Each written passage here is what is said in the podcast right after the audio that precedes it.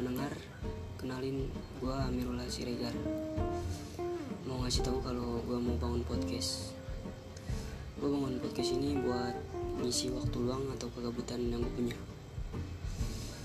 Oh ya, nanti gue akan ngisi podcast ini sama puisi, saja atau keluh kesah.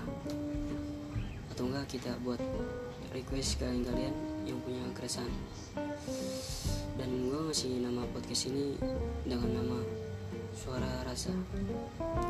Ya gue bingung mau ngasih nama apa lagi. Gue rasa nama itu udah mewakili gue untuk ngeluarin perasaan atau perasaan perasaan yang gue punya. Jadi biarkan gue berintuisi lewat suara dalam suara rasa. Kayaknya itu aja sih perkenalan kita. So pantengin terus suara rasa